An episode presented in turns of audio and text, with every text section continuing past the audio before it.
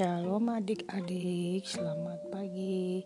Renungan hari ini berjudul Pengadilan. Ayat hari ini, mereka yang berpegang teguh pada berhala kesia-siaan, merekalah yang meninggalkan dia yang mengasihi mereka dengan setia.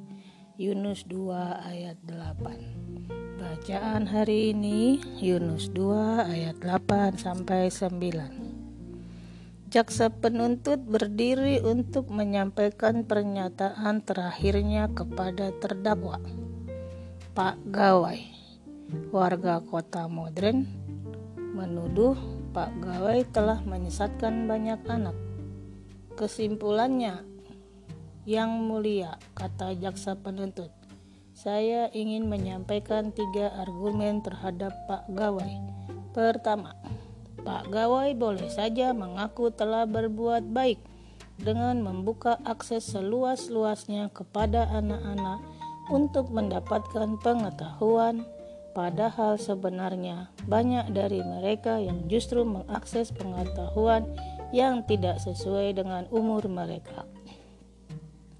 Kedua, Pak Gawai memberikan hiburan yang membuat kecanduan, seperti video game, sehingga anak-anak kita tidak mempedulikan orang-orang di sekitar mereka, juga mengabaikan tugas-tugas mereka.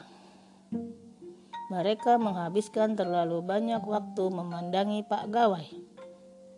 Tidak cukup beristirahat, tidak keluar rumah untuk menikmati udara segar, menjalin hubungan dengan keluarga, atau mengerjakan PR. Ketiga, anak-anak sepertinya tidak bisa lepas dari Pak Gawai. Beberapa anak bolak-balik mengecek ponsel. Dan ketika orang tua menyuruh mereka menyimpan Pak Gawai, mereka menolak.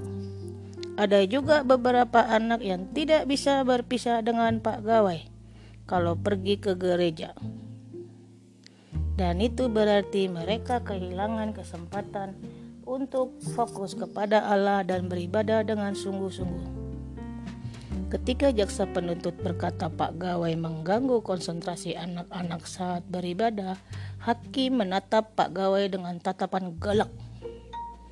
Jadi, menurut Anda, Pak Gawai sudah menjadi berhala dalam kehidupan anak-anak?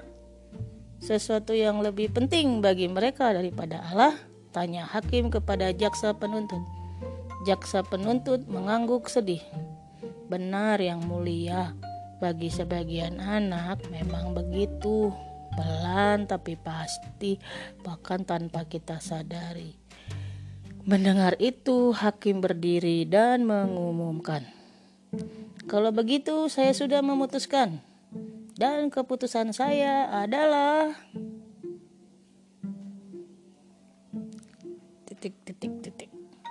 Renungkanlah.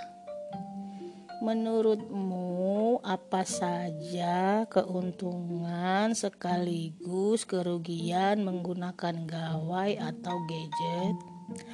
Apa yang dapat kamu lakukan untuk mengurangi waktu yang dihabiskan di depan layar gawai dan menggunakan waktu tersebut untuk bersekutu dengan Tuhan minggu ini?